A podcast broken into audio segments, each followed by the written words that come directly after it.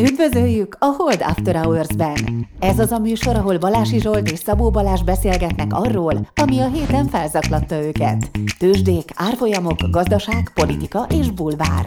Szabó Balázs és Balási Zsolt a Hold alapkezelő elemzői. Bármi, ami az adásban elhangzik, az az ő vagy vendégeik magánvéleménye, amely nem feltétlenül egyezik a Hold blog és a Hold alapkezelő hivatalos álláspontjával. A műsor szórakoztató célral készült, befektetési döntések alapjául nem kíván szolgálni. A Hold alapkezelő ügyfelei és alkalmazottai egyaránt rendelkezhetnek pozíciókkal az adásban tárgyalt pénzügyi eszközökben. Na, hát üdvözlünk mindenkit. Én Balási Zsolt vagyok, ugye a legregulárisabb tagja a podcastünknek. Most ezt egy kicsit elmondom, mert nem tudom, lehet, hogy több hallgatónk van, hát fene tudja, mi van itt.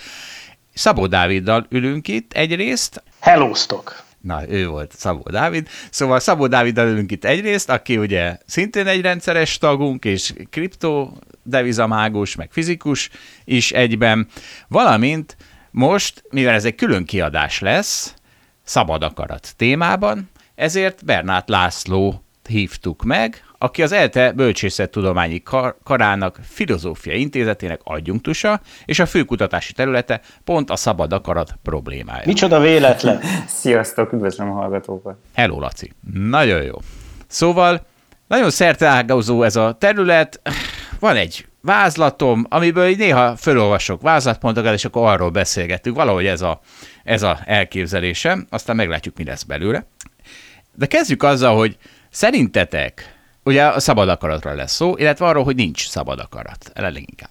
És szerintetek ez az emberek hány százalékának újdonság?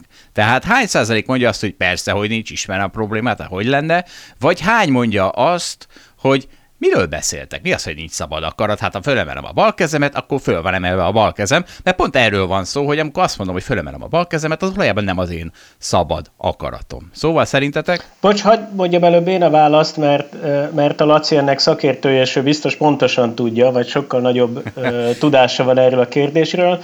Nekem feelingre azt gondolom, hogy az emberek nagyon-nagyon nagy része ragaszkodik ahhoz az illúzióhoz, hogy neki szabad akarata van.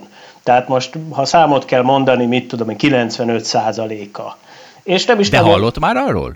És hallott hát, arról, hogy nincs szabad akarat? És talán nem is hallott róla. Na, Ez vicces lesz, mert uh, én azok közé tartozik, aki ragaszkodik hozzá, hogy van, uh, annak ellenére... Nagyon jó! Jaj, annak ellenére, hogy elolvastam elég sok mindent, meg tudom, hogy hogy szoktak érvelni azok, akik azt mondják, hogy nincs, uh, de én azt gondolnám, hogy uh, igen, tehát én 95% vagy 90 azt gondolom, hogy van szabad akarata.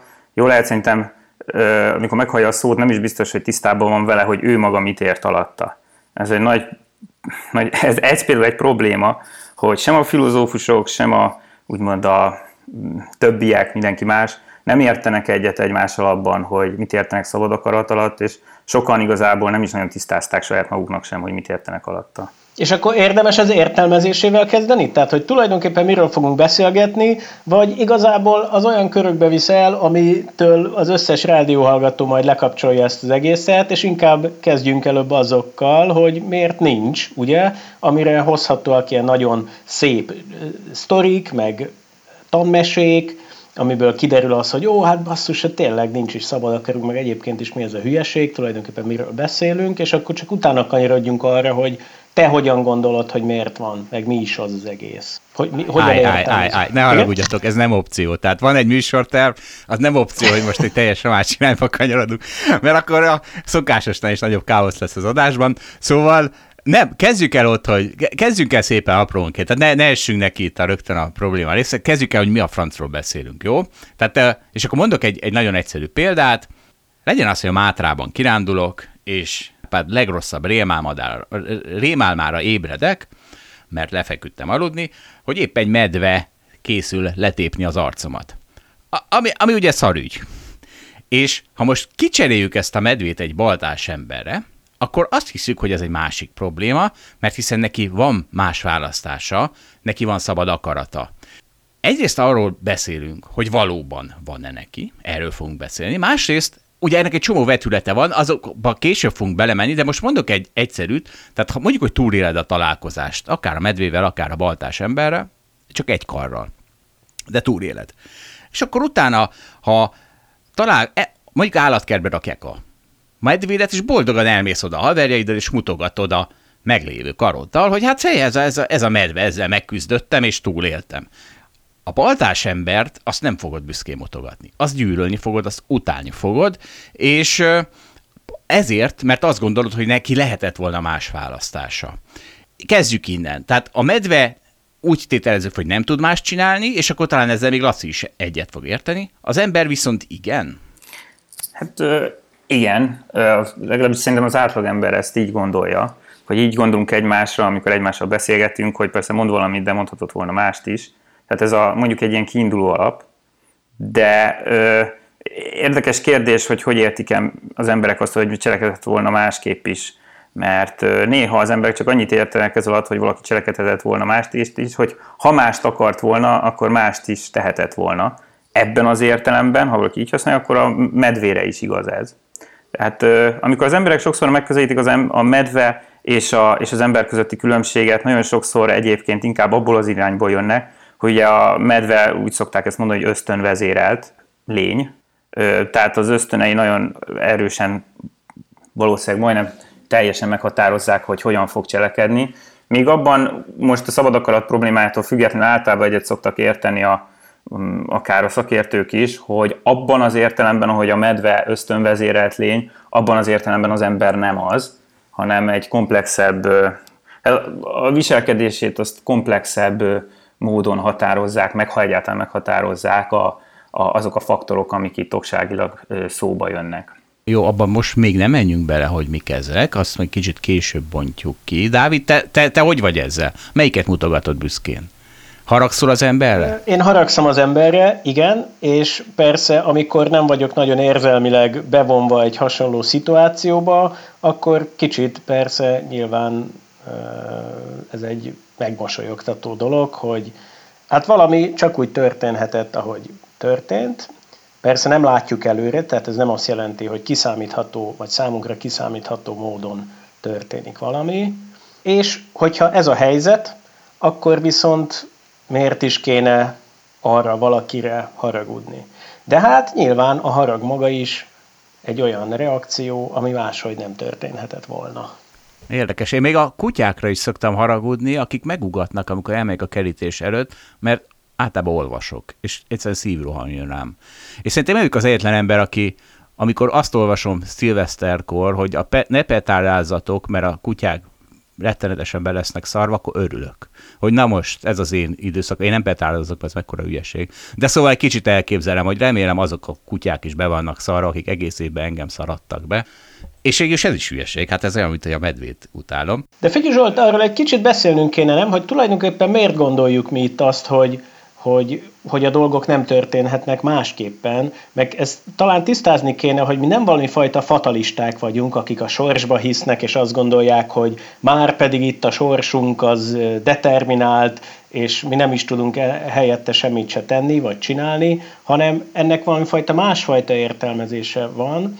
Ez jó, most jön ez a pont, mert most mondok két állítást, ami, ami filozófia lesz, mégis mindenki, mindenki valószínűleg egyet fog vele érteni. Az egyik azt úgy hívják, hogy libertáriánus free will, szabad akarat, semmi köze a politikai libertáriánushoz, mármint csak nyelvtani köze van hozzá, és ez a 95%-ról beszéltünk, egyet fog érteni abban, ez annak az a hit, hogy néhány emberi cselekedet az szabadon választott. Na, ezt, ezt el tudjuk fogadni, elvileg. A másik állítás az a hard deter- determinism, magyarul, én nem tudom, hogy ez magyarul, kemény determináltság legyen. Laci, hogy van ez? Én is a kemény determináltságot, de kemény determinizmus szoktam használni. Jó. Szóval a másik a kemény determinizmus, ez azt jelenti, hogy minden, az a hit, hogy minden eseményt valami korábbi események okoznak, úgyhogy azon kívül, ami megvalósult, más nem valósulhatott volna meg. És ugye ezt a fizikában a legegyszerűbb, hogy minden ugye kölcsönhatások eredménye elképzelni, és az a helyzet, hogy ez a két állítás, amit mindenki elfogad magába, ez valójában arról van szó, hogy kizárja egymást. Lehet-e szabad akarat, lehet-e ö, opcióm választásra, meg lehet-e kemény determináltság, magyarul még sincs opcióm a választásra.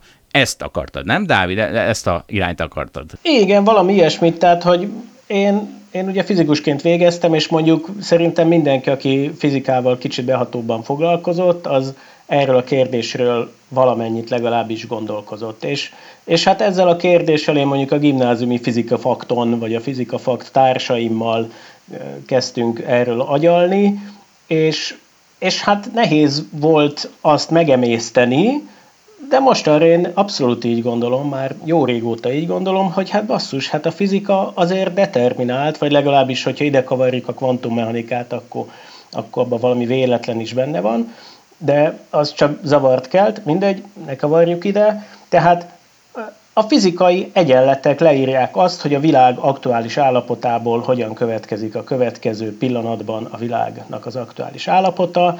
Hát valószínűleg a fejemben is ugyanezek a dolgok történnek meg, a, a fejemet, fejemben levő dolgokra is a fizikának a törvényei hatnak, vagyis az, hogy az én idegrendszeremben mi történik, az az egyik pillanat determinálja a következőt, és már pedig az idegrendszerem határozza meg azt, hogy én hogyan fogok cselekedni, mit fogok csinálni. És akkor hol vagyok én ebbe a sztoriba? Hogy nem tudom, hogy, hogyan gondoljak az én szabad akaratomra, hogy az, az micsoda, hogy van egy kis ember az én agyamba, aki, aki, aki dönt valami dolgokról, és az nem a fizika törvényeinek van alávetve? Hát ez egy elég hülye kép, meg a agysebészek nem találják ezt a kis embert. Szóval kénytelen vagyok elfogadni azt a tényt, hogy valószínűleg akkor ez nem igaz. Aha.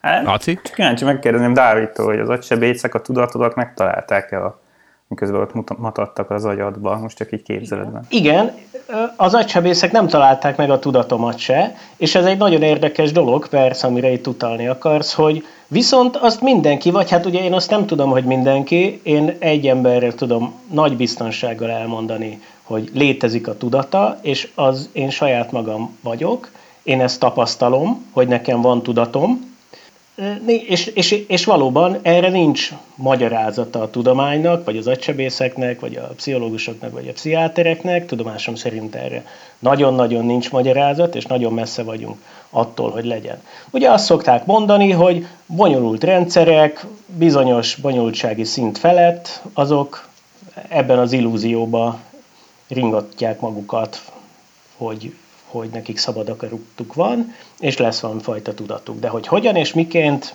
nagyon jó. Erre nincs válaszom.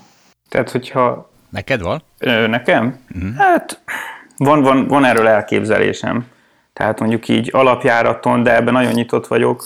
Tehát én alapjáraton dualista vagyok ebben a kérdésben, tehát szerintem a mentális események azok nem fizikaiak, nem fizikai események, hanem egy különböző típusú esemény és így aztán azt gondolom, hogy persze, hogy az agysebész nem találja, mert ő a fizikai korrelátumát nézi ezeknek, vagy a fizikai alapját eh, nézi ezeknek, és hát rossz helyen keresi, mert az nem ott van. És hol kéne keresni? Hát most éppen jó helyen keresed, amikor az introspekciód által, vagy hát egyszerűen csak átéled azt, hogy van tudatod, mert a mentálisnak ez a megkülönböztető jegye a fizikaihoz képest, hogy e, első szem egyes szemében férünk hozzá, míg a fizikaihoz úgymond ö, egyes szem harmadik szemében hozzáférünk, ami azt jelenti, hogy van ö, olyan hozzáférésünk a fizikaihoz, ami másnak is ugyanúgy megvan, nem csak nekünk. Ezzel szemben a mentálisnak, tehát te mentális állapotaidhoz csak te férsz hozzá. Ezt úgy szokták a magyar szakirodalomban mondani, hogy privilegizált hozzáférésed van, míg a fizikaihoz nincsen privilegizált hozzáférésed.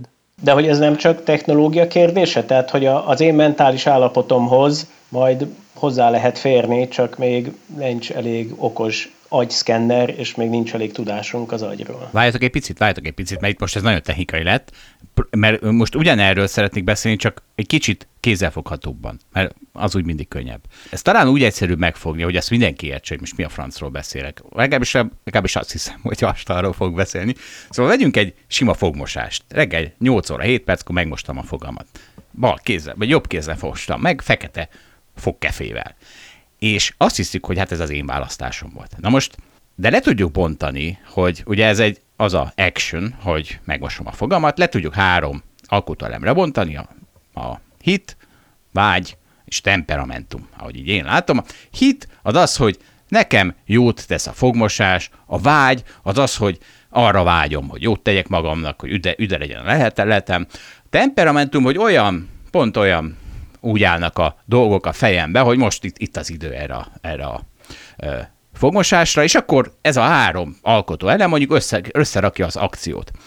És, és amit Dávid pont most említett, tehát az, hogy az, hogy ezeket a dolgokat nem tudjuk kellően szétbontani még, nem tudjuk kimutatni az agyban ö, elektromos és kémiai, fizikai és kémiai ö, impulzusok tekintetében, mert egyre többet ki tudunk mutatni. Tehát azt, hogy még nem tudjuk kimutatni a, a, az X, a, a pontos faktorokat, ami oda vezet, hogy nekem 8 óra 7 perckor bal kézzel vagy jobb kézzel meg kell mosni a fogamat, az nem jelenti azt, hogy nincsenek ott. Ugye most erről beszélünk. Persze, de az, hogy még nem tudod kimutatni, az, az sem jelenti, ebbe igazad van, hogy, tehát nem jelenti azt, hogy nincsenek ott, de az, hogy még nem tudod kimutatni, az sem jelenti, hogy ott vannak.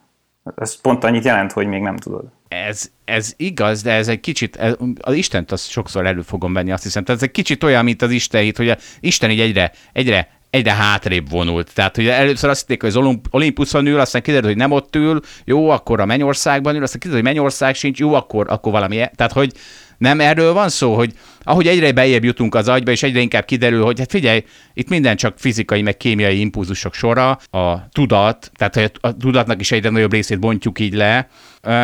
Szóval Zsolt, nem, ez nem egy ilyen... Men- Szerintem igen? ugye az a nehéz, meg a Lacinak az érvei arra alapozódnak, hogy nincs igazad, hogy a, a, a tudatot, a tudomásom szerint a tudathoz nem sikerült igazán közelebb jutni. Tehát, hogy fogalmunk sincs arról, hogy mi az, hogy tudat, amit pedig hát mindenki tapasztal. És nagyon sok dolgot persze magyaráz az idegtudomány, meg a mindenféle tudomány, de hogy ezzel kapcsolatban fingja sincsen, hogy az micsoda. Tehát Laci, akkor ezt egy szentségként kell továbbra is kezelnünk a tudatot? Amiről semmit nem nekem, tudunk? Nekem nem kell szentségként kezeljed. Még első lépésben megelégszek azzal, hogy elfogadod, hogy van, bár nem tudod, hogy micsoda, mert látod. Ennek szívből örülök, hogyha így van, ha nem, akkor, az, akkor nehéz ezt tovább beszélgetni. És második lépésben elismerni azt, hogy hát, és csak ennyit, hogy egyelőre nem igazán van magyarázatunk arra, hogy ez miért, miért, miért van, tehát miért bukkant fel. Tehát a fizikai entitásokból nem tudjuk levezetni ennek a létét, de amit az idegtudomány tud az agyról, abból se tudjuk levezetni. Most fontos itt különbséget tenni, hogy amikor tudatról beszélek, akkor pontosan mi, nyilván ugyanazt értettük alatta, most egy kicsit precízebb legyen, tehát a tudatnak azt a régióját értjük, amit valamilyen átélni. Ez az, ami, ami kimondottan fogós. Tehát például a fogmosásnál valamilyen átélni neked a fogmosást, és valamilyen átélni, hogy például utána frissebb lett a lehelleted, meg van egy valamiensége, ami csak azt tud, hogy milyen, aki már maga is átélte. Ez a valamienséggel rendelkező tudatosság, ez az, ami nagyon egyelőre ellenáll bármiféle levezetésnek. És én csak annyit mondok, hogy veszélyes arra következtetni, hogy abból, de bármilyen területen, tehát abból, hogy valamit még nem sikerült megfejteni, de úgy tűnik neked, hogy lépéseket tettünk a megfejtés felé, abból veszélyes arra következtetni, hogy később meg is lesz a dolog, tehát meg, megfejtése is kerül. E, mondok egy példát, hogy, hogy ezek a haladással kapcsolatos dolgok miért, miért olyan nehezek. Tehát például a 19. században, most erre nem készültem, úgyhogy emlékezetből fogom mondani, nem tudom, hogy melyik híres fizikus, aki a később a kvantummechanika kidolgozásában részt vett, ő beszélt az ő mesterével. És az illető javasolta neki, hogy nem is tudom, a fizikának valami kis apró problémájával foglalkozzon, mert hogy a nagy, nagy terület az már úgy tűnik, hogy teljesen meg van fejtve, és már csak az ilyen kis apróságokat kell letisztogatni. Mondta ezt ő a newtoni fizikának a talaján. Tehát akkor neki úgy tűnt, hogy hát vannak itt még apró problémák, de hát ezeket mindjárt megoldjuk, mert hiszen látjuk, hogy a newtoni fizika alapján mekkora haladást értünk el. És akkor tudjuk a fizika történetéből azt, hogy ez a, ez a történet nem így folytatódott, és ma egy átlagos fizikus szerintem ö, nagyon sok nyitott kérdést lát, és olyan dolgokkal kapcsolatban lát nyitott kérdéseket, amivel kapcsolatban a 19. századi fizikus azt gondolta, hogy ott nincsenek nyitott kérdések. Tehát szerintem egyszerűen csak veszélyes ebből a haladásnak a látszatából arra következtetni, hogy, hogy, hogy biztos, hogy elérünk egy távoli végpontot. Mert ez nem, ez nem biztos, hogy így megy. Na várjatok, akkor most mondok egy Sam Harrisnél láttam, ez egy nagyon, nekem nagyon tetszett egy ilyen gondolatjáték, amit most így el, eljátszok így a, a hallgatókkal, rövid lesz. És legyen az, hogy mindenki gondol egy dalra. Mindegy, melyikre, de ne a, makanéra, ne a makarénára, mert az kínos. És, és akkor mindenki figyeljen oda, mert ez a legszabadabb döntés, amit csinálni fog az életében, tehát ennél szabadabb nincs, ott van a világ összes muzsikája. Tegyük fel, hogy megvan. Várunk, meg lehet állítani ezt a podcastet, gondolkozni rajta. Tegyük fel, hogy megvan. És akkor azt mondom, hogy sajnálom, ez egy rossz választás volt, most legyen egy másik dal, és de mindenki figyeljen oda, hogy hogyan választ, hogy mi az a procedúra, hogy kiválasztja a sok dalból azt az egyet, amit a végén meg fog ragadni, és keresse a bizonyítékot a szabad akaratra, mert tényleg, ha itt nincs, akkor sehol. és, és akkor hogy kezdődik az egész, mondjuk az én esetemben? Hát egyből kizárjuk az összes nem, lá, nem soha nem hallott dalt nyilván, hát a, a, csak azok, amiről hallottam, vagy amit már hallottam, azok jöhetnek szóba, Ebbe ugye semmi szabad akarat nincs, ugye ez is egy részben a probléma, egy lényege, hogy hát a felnevelésünk az egy borzasztó szűk utat szab meg. Na mindegy, Zsolt, azért adj egy kis időt a hallgatóknak, hogy ezt végigjátszák. Igazad van, de ez erre mondom, hogy bármikor megáll, meg lehet állítani a podcastet, és egy kicsit ezen gondolkozni. É, tehát most nem, nem írt várjunk most itt 20 másodpercet, hanem mindenki nyomja meg a pauz gombot. Aztán Ugye kizártuk a, a dalok 99%-át valószínű, mert hiszen nem ismerik őket, és aztán lehetett volna mondjuk, a, ha nem a Macarena, akkor ugye a másik legkínosabb a Ketchup Song. De, de az se lett. Arra akarok rá, hogy nem szabad akaratból nem választottuk azokat, amelyeket nem választottuk, mert nem tudjuk megmagyarázni, hogy hogyan. Egyszerűen azért választjuk, mert az agyunk úgy van húzalozva, ez a fizikai determináltság, és és ha, ha az időben most visszamennénk arra a két perc ezelőtti pontban, amikor elkezdtük ezt a gondolatmenetet, és mindent visszaállítanánk, tehát egyszerűen visszaugranánk oda az időben, és az univerzum minden pontját oda visszaállítjuk, akkor pont ugyanazokat a dalokat megint esélyük sem lenne eszünkbe jutni. Mert az egy agyunk fizikai állapota nem olyan.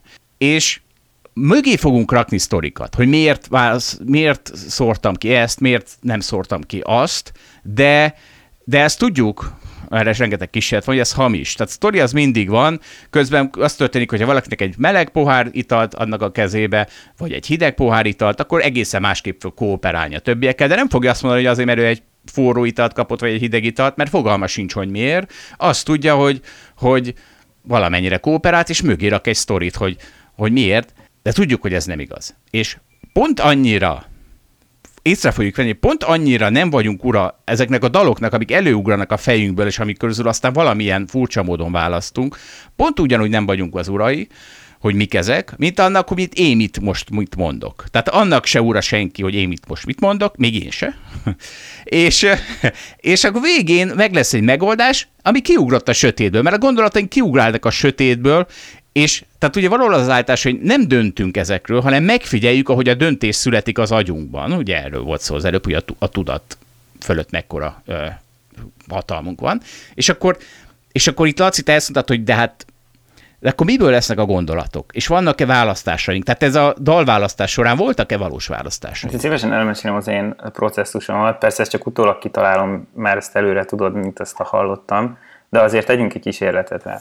Tehát én amikor elkezdtem gondolkodni, ez nyilván a kedvenc számomat dobta föl az agyam, vagy az egyik kedvenc számomat, több közül, Queennek az egyik számát, de akkor eszembe jutott, hogy nem szívesen beszélnék most angolul, miközben magyarul beszélek, mert én nagyon nehezem. Tehát az akcentusom még borzasztóbb akkor, hogyha magyar beszéd közben kell angol szavakat megformálni, azért nem szeretem. És eszembe jutott a Eddának a Gyere őrült című száma valamiért, amit szintén valamennyire szeretek. És akkor azon kezdtem gondolkodni, hogy de ez meg az a baj, hogy ennek a kicsit a címe furi. És akkor így egy ilyen döntés elő kerültem, hogy hát a Queen számot mégiscsak jobban szeretem, itt van az Edda, a kicsit furi címe, de a gyere őrültet legalább biztos, hogy rendesen ki tudom mondani, melyik legyen. És akkor a gyere őrültet választottam. Ez nem egészen az a, én most nem azt akarom mondani, hogy most bebizonyítottam neked, hogy itt van szabad akarat, csak azt akarom megmutatni, hogy a, hogy a gondolkodás az lehet olyan, mint amit te mondasz, hogy tehát beugrik valami, és azt mondom egyből, és ha ez a folyamat, hogy beugrik valami, és azt mondom ebből, az szerintem sem biztos, hogy szabad, tehát én ezt nem akarom mondani, de hogy például itt, amit én leírtam neked gondolkozási, pont, gondolkozási folyamatot, itt ez egy, ezért eléggé más. És még hogyha el is ismered, hogy az első, tehát amikor hirtelen beugrik valami, és azonnal mondod, mert mit tudom én, időre kell mondanod, vagy bármi, ha, ha azt is mondod, hogy ez biztos, hogy nem szabad, mert itt a tudatalatti már tulajdonképpen meghatározta, hogy mit fogsz mondani, mert hát azt fogod mondani, amit a tudatalattit feldob. Abból, hogy ez nem szabad, nem következik az, hogy az én eh, gondolkodási folyamatom, amit itt most elmondtam nektek, hogy ez nem szabad. Tehát nem szabad abból az egyikből arra következtetni, hogy a másik sem szabad, pusztán azért, mert, mert az egyik nem szabad, akkor a másik sem az.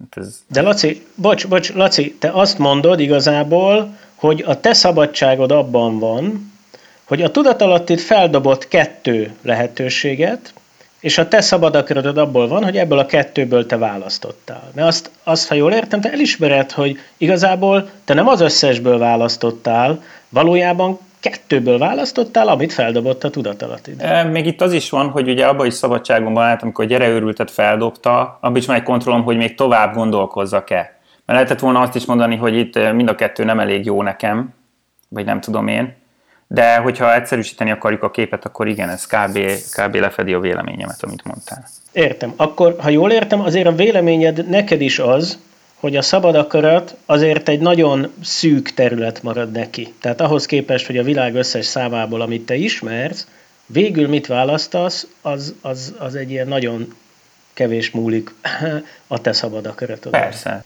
Aha, jó, oké. Okay, hát, de hogy, de hogy ki gondolta máshogy? Mármint, hogy vannak-e olyan emberek, akik azt gondolják, hogy szabad akaratában áll, például azokat a számokat is választani, amit nem is ismer. Hát ilyen, ezeknek az embereknek a száma zéró. Tehát ez, ez oké. Okay. És figyelj, és hogyan, hogyan magyarázod meg azt, amit, amire a Zsolt utalt is, hogy mindannyiunk fejében van ez a narráló én, és aki mindig így próbálja megmagyarázni azt, hogy mit miért csinált, és nekem az a tudomásom ezzel kapcsolatban, hogy sok-sok kísérlettel azt mutatták, hogy, hogy ilyen képtelen történetekkel jön elő a narráló én azzal kapcsolatban, hogy mit csinált az ember. Te biztos jobban tudsz ilyen kísérleteket mondani. Nekem most nincs a fejembe egy se, de hogy arra emlékszem, hogy ezeken mind, mind nagyon jókat mulattam, amikor olyan, tehát, hogy olyan helyzetbe tesznek egy embert, hogy nyilván azt fogja csinálni, vagy valamit fog csinálni, és aztán valami nagyon hülyességgel megmagyarázza azt, hogy, hogy miért úgy csinált. Mondj, mondj majd létsz ilyen kísérleteket. Tehát, hogy vajon nem ugyanebbe a hibába esele, hogy, hogy kitalálsz egy ilyen hülye sztorit azzal kapcsolatban, hogy te a akcentusod az milyen angolul és pláne magyar szövegkörnyezetben, és a te narráló éned ad egy ilyen, hát egy ilyen kicsit furcsa, de azért hihető magyarázatot, vagy magad számára hihető magyarázatot. De kezd inkább, tehát inkább mondj már egy ilyen kísérleteket persze. a narráló énnel kapcsolatban, és utána Kettőt mondok, kérdésre, jó? Hogy... Mert jó pofa mind a jó, kettő. Jó. Az egyik az ilyen olyan páciensekkel volt, akiknek sajnos nagyon súlyos epilepsia betegség volt, és nem tudták máshogy gyógyítani, mint hogy úgymond így ketté osztották az agyukat, egy bizonyos, nagyon fontos hidat a két agyfertőkök között elvágtak.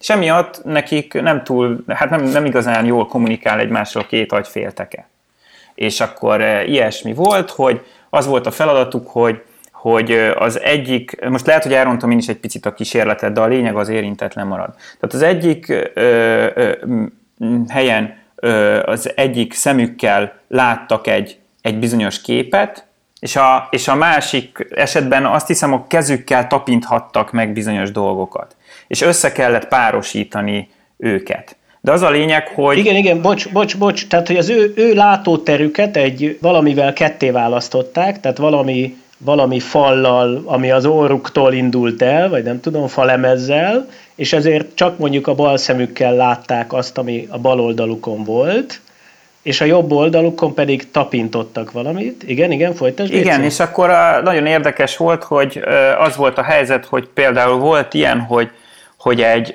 lapátot összetársított az illető, ha jól emlékszem, a, a, a valóságban ő a, egy homok buckával társította össze. De valamiért ő ezt rosszul detektálta, és azt hitte, hogy csirkével párosítja össze a lapátot. És megkérdezték tőle, hogy miért. Ugye, mert nem, nyilván nem élik össze egymáshoz a kettő egyből. És azt mondta például az illető, hogy hát azért, mert a csirkének az űrülékét a lapáttal kell összeszedni. Tehát ugye költött valami, nem, nem ez alapján csinálja, tehát azt gondoljuk, hogy az alapján csinálta, hogy felismerte, hogy a homokhoz jól illik a lapát, tudat alatt, de ugye mivel ő ilyen osztott aggyal rendelkezett, nem tudta jól összehangolni ezeket a dolgokat, tehát nem fért hozzá. Tehát mert hogy a, bocs, csak mert hogy a homok buckát el igen, lehet hát lapátolni. Úgy összeillik. Aha. A homokozóba is tanuljuk, hogy ez a kettő így összeillik. Pontosan, és ezért kitalált egy A-sztorit. És akkor például ez egy eset arra, amikor úgy tűnik, hogy a narráló én, az teljesen lyukra futott, mert a tudat alatt nem ez lehetett a párosítás alapja. De nehogy azt higgyük, hogy csak az ilyen e, szerencsétlen sorsú páciensekkel esik meg ez. E, mondok egy másik kísérletet. Hát, amit... Várj, várj, várj, várj hadd had mondjak egyet. Tehát a tőzsdén rengeteg ilyen van, amikor valaki fölvesz egy pozíciót, szerencséje van vele, és akkor megmagyarázza, hogy miért volt nagy király, vagy fog egy pozíciót, megszívja, és megmagyarázza, hogy, hogy na mindegy. Szóval igen, a másikat, az, az, arról szólt, hogy ha jól tudom, csak férfiak vettek részt a kísérletben, de ez nem egészen biztos, de a lényeg az az, hogy nőkről mutattak nekik képeket, két kép közül. Mindig azt kellett választani, ami szerintük az attraktívabb és akkor kiválasztották, mindegy, mit tudom, 30 párosításnál döntöttek, hogy megy. És utána, mit tudom én, hány hónap múlva visszamentek. És a következő volt a, a kísérlet, hogy oda tolták neki azt a párt, amit, amit közül kellett választani előző héten, és azt mondták neki, hogy hát a, a piros sapkás hölgyet választottam, most el kéne magyaráznia, hogy miért. A poén az az volt, hogy szisztematikusan az ellentétét mondták a kutatók annak, amit választottak. Tehát a, a fickó nem a piros sapkás hölgyet választotta, hanem a kék sapkásat, de úgy tettek a kutatók, mintha a piros sapkásat választotta volna. Nagyon kevés ö, résztvevő volt az, aki, aki rájött a turpisságra, voltak ilyenek. A legtöbben megmagyarázták, hogy miért tartják attraktívabbnak azt a nőt, akit három hete nem tartottak attraktívabbnak. Tehát ez is mutatja azt, hogy nem mindig férünk hozzá jól a saját indokainkhoz, vagy hogy mit, miért csinálunk. Most hagyd mondjak valamit ezek kapcsolatban, hogy tovább megyünk, ez fontos. Ezek a kísérletek szószoros értelmében nem azt mutatják, hogy nem tudatosan döntünk, de még azt sem mutatják, hogy nincs szabad akaratunk, hanem azt mutatják, amit egyébként is tudunk, most ezektől függetlenül, hogy sokszor nem tudjuk, hogy mit miért teszünk. De ugye... Na, na, na. Ez nem, hát nem szinonim? mert ugye lehet például egy döntés szabad, annak ellenére, hogy te nem férsz hozzá, hogy pontosan miért döntöttél úgy, ahogy. Ebben semmi ö, ellentmondás nincsen szerintem. Sőt, a szabad döntéseket, ha léteznek egyáltalán, az kell, hogy jellemezze, hogy egy ponton túl nem tudod megmagyarázni, hogy miért úgy döntöttél, ahogy döntöttél. Tehát mondjuk tegyük föl, hogy szabad döntés volt az, amit én elmeséltem, ezzel a Queen Edda dologgal kapcsolatban, és ugye itt úgy tűnik, hogy men, abba az irányba mentem, hogy nem a kedvencemet mondom, hanem inkább egy olyat, amit ki tudok mondani.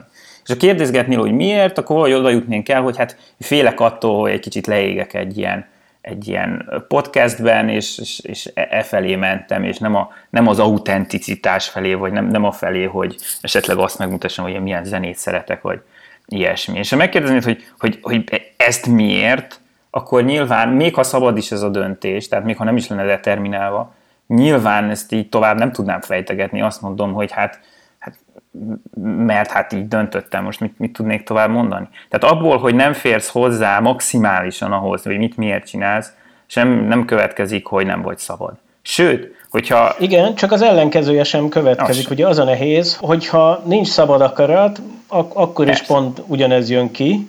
Uh, igen. Tehát, hogy oké, okay, értem, amit mondasz, csak hogy ez, ebből nem fogjuk kitalálni, hogy mi az igazság. De, de tök jó, hogy azt mondod, hogy ha van is szabad akarat, akkor ugyanezt Persze. látnánk. Ugye most abból az irányból beszélgetünk, hogy ti abból indultatok ki, meg a felvezetés is úgy volt, hogy hát tudjuk, hogy nincs szabad akarat, csak még a laikusoknak nem, laikusok nem kapták meg a memót, illetve hát nem akarják elhinni. És akkor ugye ebből a perspektívából beszélgetünk, és itt nyilván inkább a defenzívát mondom, hogy ezek, amik vannak ilyen alapok arra, hogy azt mondjuk, hogy nincs szabad akarok, azok nem elégségesek. Igen, de várj egy picit, mert ugye a, kell egy kicsit az offenzívát is mondanod, mert, mert azt mondjuk, hogy 95% a hallgatóknak meg úgyis, a, tehát érted, ő a másikat fogadja el. Tehát, hogy veszély egy kicsit pro is. Persze. Bocs, mi a, abban a körben, amiben te mozogsz, mi a többségi álláspont egyébként? Vagy van-e ilyen? Az a, az a helyes válasz erre, hogy nem tudjuk egészen biztosan. a filozófusok között biztosabb számokat tudok mondani.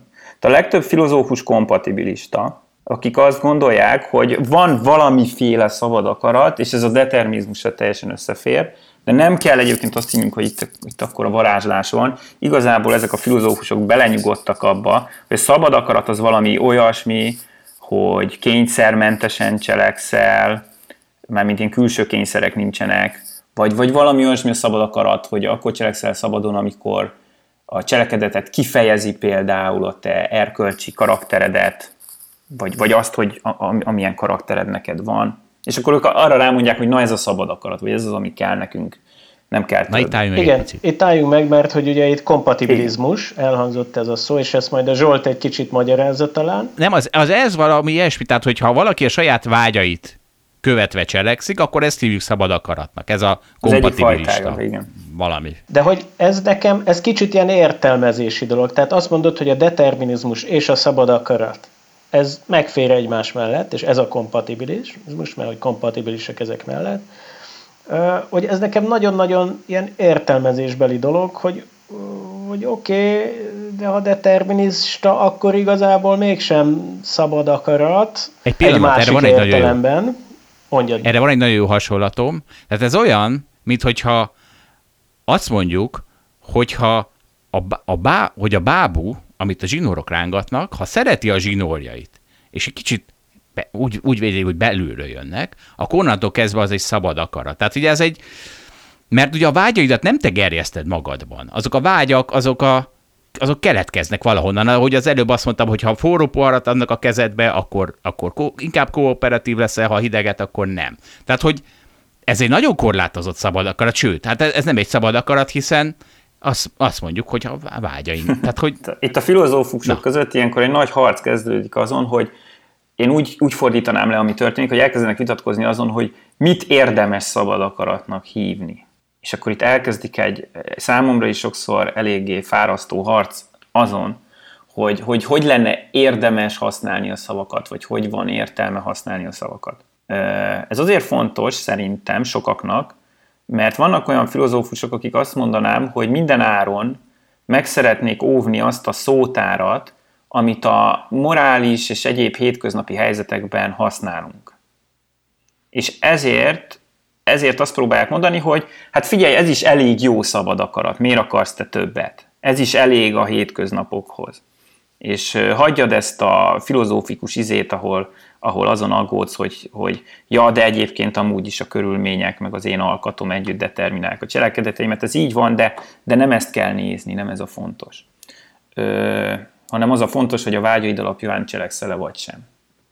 Tehát, tehát ez egy része a filozófiai vitáknak, ahol nincsen megegyezés a filozófusok között. Tehát ez egy óriási nagy vita a kompatibilisták és az inkompatibilisták között. Az inkompatibilisták azok, és mi úgy beszélgettünk eddig, mintha ez, ez lenne az igaz, tehát ezt eddig készpénznek vettük, hogy a szabad akarat az nem összeegyeztethető a determinizmussal. Tehát, hogyha az egyik van, a másik nincs. Igen, és valahol itt van a meg, hogy honnan jön az a vágy, ami szerint szabadon cselekszel, az bizony, az ugye honnan jön, on, a, a gényeidből, az univerzum jelenlegi állapotából, ezeket mind nem tud befolyásolni, a szociális izé, neveltetésedből, tehát innen jönnek ezek a vágyak, és ugye pont ez egy nekem erősen próérv, hogy miért kell úgy csinálni, mintha lenne szabad akarat, és ezt pont ezt elmondtad, hogy hiszen, hiszen annyira olybád, annyira úgy tűnik, és akkor hát, ha mégis, de hát ugye egyrészt ettől nem lesz szabad akarat, hogy azért, mert csináljunk úgy, mert nagyon úgy tűnik. Másrészt és ez ugye, ugye akkor innentől kezdve csak a filozófus, filozófusok fölösleges okoskodását látjuk. Tehát ez olyan, mint amikor azt mondjuk, hogy az én, a testem 99,99999% az, az üres tér. Mert hát ez a helyzet. Lemegyünk a sejteken belül, az elektronfelhő, a, minden, nem a sejteken, az atomokon belül, ami minden atomomat kitölti, az ilyen százalékban üres tér gyakorlatilag mondják a fizikusok. És akkor erre, amikor nem jön rám mégsem a karantén előtti gatyám, akkor azt mondom, hogy figyeljetek, hát ez a fizikusok hülye okoskodása, ennek semmi értelme, mert mert hát ha üres tér lennék, akkor följönne rám a gatyám. Jól, jó úton járok? Hát nézd, itt szerintem nem, nem volt túl szerencsés az analógia, ugye, mert a, például itt a fizikusok se úgy értik, hogy üres tér, hogy te akkor át is tudod azon gyömöszölni a nadrágodat, hiszen ott vannak erőterek, amiről szintén beszélnek a fizikusok, van taszítás és vonzás például, és ezek a fizikus is azt mondaná, hogy nem fogod tudni felhozni a nadrágodat, de nem azért, mert egy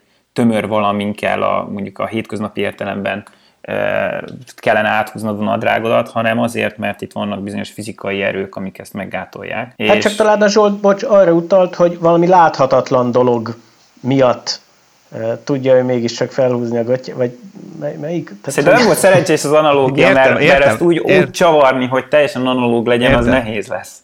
Tehát jó, tehát akkor itt, ne csavarjuk úgy. Szerintem a korábbi analógia volt a jó, amiről beszéltünk, hogy tehát a, a tudományos világképben nem nagyon látjuk azokat a jeleket, amik ezeket a libertariánus szabad akaratot bizonyítaná, és viszont ez a kompatibilista szabad akarat, ami csak a vágyakról szól, meg ilyesmi, azért az egy kicsit, kicsit olyan, olyan kis soványkának tűnik amire nem, a hétköznapok embere nem erre szokott gondolni általában, legalábbis nagyon sokan így gondolják, amikor szabad akaratról beszél.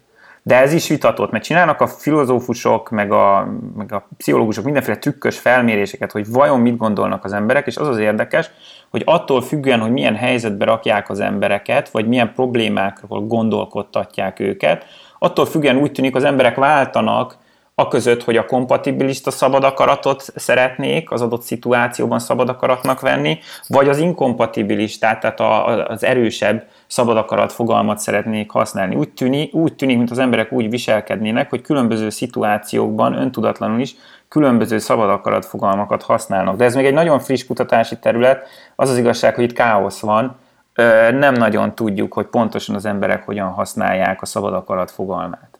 Ez, ez nem világos. Ez egy kicsit olyan, mint hogy gyűlölöm-e a kutyát, amelyik megugat engem, vagy, vagy előveszem a zen énemet, és nem? És azt mondom, hogy de hát ez az kutya nem tud másképp csinálni, mint hogy megugat engem.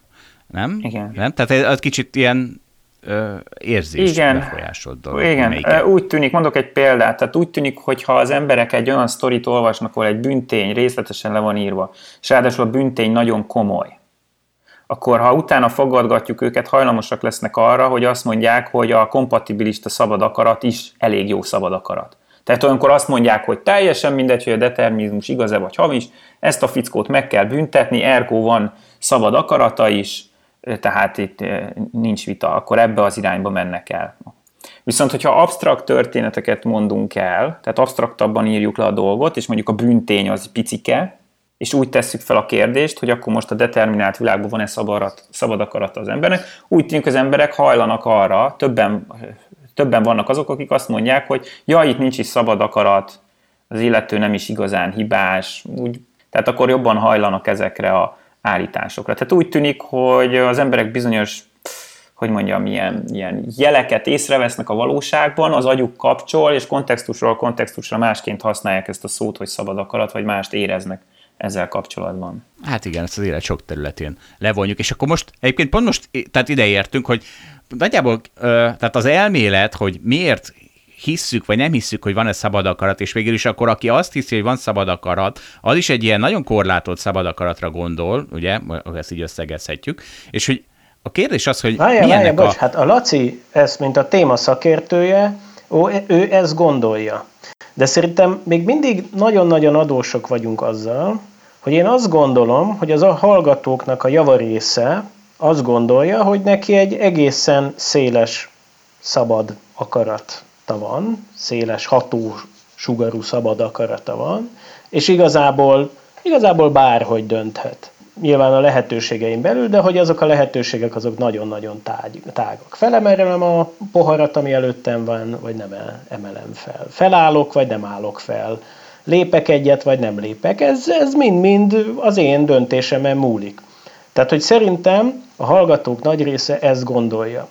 És hogy ebből a szempontból kicsit mi rossz irányból kezdtük ezt a műsort szerintem, mert hogy ahogy mondott Zsolt, hogy kéne arra nekünk jól, jó érveket mondani, hogy de mi miért gondoljuk az ellenkezőjét, és szerintem a Laci is ugye az ellenkezőjét gondolja abból a szempontból, hogy ő is csak azt gondolja, hogy ez egy ilyen nagyon-nagyon szűk terület az, ahol szabad akarata lehet az embernek, hogy erre szerintem sok-sok példát kéne mondanunk, hogy, hogy miért gondoljuk mi így. Na mondj egyet. Hát, hogyha itt felmerült ez a, ez a téma, hogy vajon bűntényekről, meg bűnözőkről hogyan gondolkoznak az emberek, ezzel kapcsolatban ugye tök jó példákat lehet mondani. Tehát, hogy például az, hogy egy ember, aki ennek korábban semmi jelét nem adta, és ezek megtörtént esetek, amiket most mondok, az, az egyszer csak lelövi a feleségét, meg az édesanyját, meg kimegy az utcára, és elkezd sorozatgyilkolni, és megöl, mit tudom én, 16 embert. És, és ennek semmi korábbi jele nem volt, és akkor a nem tudom, a kommandósok majd így elfogják, vagy lelövik, de találnak egy levelet nála, amiben leírja azt, hogy tehát kvázi van búcsúlevél, vagy nem tudom micsoda, leírja azt, hogy hát egyszer csak elkezdett ilyen e, e, ilyen nem érti miért, de hogy ilyen nagyon erős vágyat érezni arra, hogy így agresszív legyen, meg lövöldözzön, meg embereket öljön. És akkor megműtik, vagy megnézik az agyát, és kiderül, hogy ott egy tumor nőtt azon a területen, ami egyébként az agresszió, meg érzelmi kontrollért felelős. És akkor először azt gondoljuk, hogy hú, micsoda rossz ember, mert hogy ő itt a szabad akaratából úgy döntött, hogy hogy embereket lő, aztán amikor kiderül ez, hogy ja, hát itt nőtt neki egy tumor az agyába, ami nyomja azt az agyi központot, ami, ami pont ezekért a területekért felel, utána ő már inkább ilyen áldozat, hát persze mindenki más is az, csak hogy hát szegény, hát neki nőtt egy ilyen tumor az agyába, és ezért ő kénytelen volt, hogy, hogy ilyen dolgokat cselekedjen. De hogy ugyanez, tehát ez mondjuk a 60-as években történt, de mondjuk a 2000-es évek elején, vagy a 90-es évek végén valami hasonló történt egy ilyen pedofil emberrel, aki ennek korábban semmi jelét nem adta, hogy ő pedofil, ő egyszer csak elkezdte a, a saját, nem tudom, lányával, vagy talán mostoha lányával, aki kevés éves, nem tudom hány, elkezdett csúnya dolgokat művelni, és szintén hasonló érzésekről számolt be, hogy hát de hát nem volt semmilyen korábban, de egyszer csak így ez így elkezdődött, és lett, és hát szörnyű, és tudja egy kicsit, hogy szörnyű, de hát annyira erős volt a vágy, hogy ezt neki muszáj volt csinálnia, és akkor kiderült ugyanaz, hogy, hogy hát valami tumor nőtt az agyába, ami a szexuális meg örömközpont környékén van, és, és, és hogy abszolút ezzel magyarázható az ő viselkedése. És akkor... Ez tovább is van, mert várj, mert ezt, ezt a tumort eltávolították, megjavult az ember, majd egyszer csak azt mondta, hogy újra elkezdte érezni ezt a, ezt a urge és megvizsgáltak, és kiderült, hogy a tumor elkezdett visszanőni. Tehát, hogy e, ennek, ezt a, ennek a sztorinak egy ilyen további lép, lépcsői is van. Oké, okay, okay, de... csak hogy a gondolatkísérlet, tehát hogyha ezt tovább visszük, akkor ugye oda juthatunk, hogy de hát basszus, hát igazából bár mi is történik a világ, vagy bármilyen rosszat kvázi cselekszik egy ember, akkor akkor annak egészen valószínűnek látszik, hogy megvan az a fajta kiváltó oka, vagy okai, ami oda vezetett, ahova vezetett, csak mondjuk nem olyan látványos, mint egy tumor esetében, meg nem olyan könnyen érthető, mint a tumor esetében. És akkor viszont innentől kezdve a moralitás kérdése az teljesen ilyen vicc kategóriává válik, hogy akkor miért ítéljük el ezt az embert? Tehát, hogy persze, értem, zárhatjuk börtönbe, mert hogy mondjuk észrevesszük, hogy ja, hát ennek az embernek így van, egy sorozatgyilkos agya van, vagy egy olyan agy van a fejébe, ami egy sorozatgyilkosé, és jobb őt börtönbe tudni, mert majd legközebb is gyilkolni fog. Ez egyik. Másik meg, hogy ennek, hogy mi fenntartunk egy ilyen intézményt, mint a börtön, annak biztos van valamifajta megelőző jellege, tehát ezt tudván az emberek, hogy ilyen van, ezért majd kevésbé fognak, vagy jobb, jobban fogják kontrollálni a, a, a saját érzelmeiket, de az teljesen hülyeség, hogy akkor mi haragszunk erre az emberre, vagy elítéljük, és ugyanez persze a, a sikeres embernek, a, a, vagy ez, ez igaz a sikeres emberre is, tehát hogyha valaki valami nagyon sikeres valamilyen területen, arról valójában ugye nem ő tehet, az csak úgy megtörténik vele, következik a, a világegyetem korábbi állapotából, következik abból, hogy a fejében levő neurális háló az milyen úton, módon tanult, és milyen dolgok és cselekmények jöttek ki belőle, de, de hogy megint csak az, hogy valaki büszke, emiatt az egy ilyen megmosolyogtató érzés. És a bűntudat is egy megmosolyogtató érzés. És ezt mondom persze annak ellenére, hogy én is szoktam büszkeséget, meg bűntudatot is érezni, de, de attól még én gondolhatom úgy, meg akár érezhetem úgy, hogy tudom, hogy, hogy ez egy ilyen megmosolyogtató dolog, hogy én ilyeneket gondolok. Igen, hát ebből, nekem ebből az egészben az az érdekes, hogy folyamatosan ezt a mintázatot látom, hogy persze vannak dolgok, amik mondjuk arra mutatnak, hogy csomó esetben nem is sejtett okok állnak egy viselkedés hátterébe, utána egyből oda rugrunk, hogy akkor, akkor minden egyes viselkedés meg van határozva valamilyen általunk nem ismert faktor által. De hogy ez, nem, nem, nem tudom, ez valahogy nem tűnik olyan jó következtetésnek, ez egy nagyon veszélyes indukció. Tehát ez olyan, mintha valaki azt mondaná, hogy, hogy van, van egy ismerőse, aki, akivel együtt dolgozik, akinek elvileg nem szabadna egy csomó információt elárulnia bizonyos embereknek. És azt látja, hogy, hogy az illetőt mondjuk elkapják őket, mit tudom én, lekötözik, és megkérdezik tőle, és egyből elmondja. És akkor hát nyilván nagyon mérges lesz rá, úgy érezte, hogy elárulta. És akkor de kiderül, hogy egy pillanatban, amikor nem nézett oda, egy, nem tudom, valamilyen igazságszérumot nyomtak vele, és elmondta az igazságot. Most ebből bárki arra következtetne, csak ebből, vagy ilyen típusú eseményekből, hogy ennek az embernek ugyanúgy normál állapotában sincs szabad a karata. Persze, hogy nem. Azt gondolnánk, hogy ez egy speciális helyzet, és azt gondolnánk a tumorról is, meg a társairól. Tehát az, hogy vannak ilyenek, az teljesen rendben van, és az is rendben van, hogy ezeknek az embereknek esetleg nincs szabad akarata. De hogy ebből arra következtetni, hogy akkor senkinek semmikor nincs, az szerintem egy ilyen óriási nagy ugrás, amit nehéz lenne megindokolni, pusztán ezeket a példákat felemli, felemlegetve. De hát ugye nem csak ebből következtetünk erre, hanem abból következtetünk arra, hogy bármerre néztünk szét ebből eddig a világon, addig ezeket, amik történnek a világegyetemben, ezeket a dolgokat, ezeket jól sikerül leírni determinisztikus fizikai egyenletekkel, és, és erre is alapozzuk leginkább a feltevésünket. Tehát ezek a példák, ezek csak ilyen szemléltető példák, amik, amik inkább az emberek érzéseire hatnak, meg jól értelmezhetőek, de hogy valójában nem ezekből vonjuk le a következtetéseket. I- igen, ezt hadd egészítsem ki. Tehát ugye most akkor visszatérek megint egy kicsit Istenre. Tehát Isten miért találták ki, mert nem tudták, miért van villámcsapás, miért kell fel a nap, stb.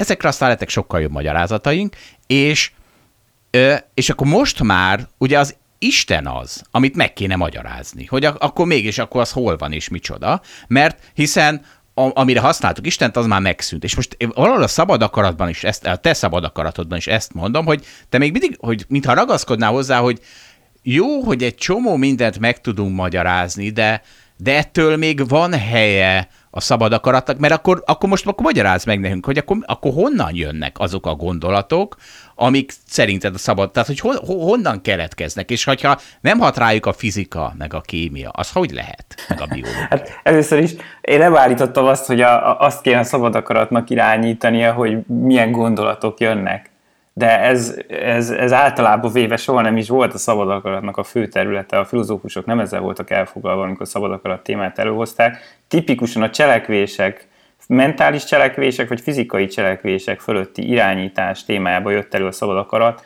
nem abban a kategóriában, hogy mi ugrik be neked akkor, mikor azt mondod magadba, hogy na most gondoljak egy zenére, és nyilván beugrik egy zene tehát, hogy, hogy mondjam, tehát ezt, ezt én egy, egyrészt ezért tartom problematikusnak. Értem, Másik amit mondasz. fele pedig az az, hogy azzal sem értek egyet, hogy az egy jó alap lenne bármire, hogy azt mondjuk, hogy egy csomó mindent le lehet írni determinisztikusan, akkor minden bizonyal az embert is.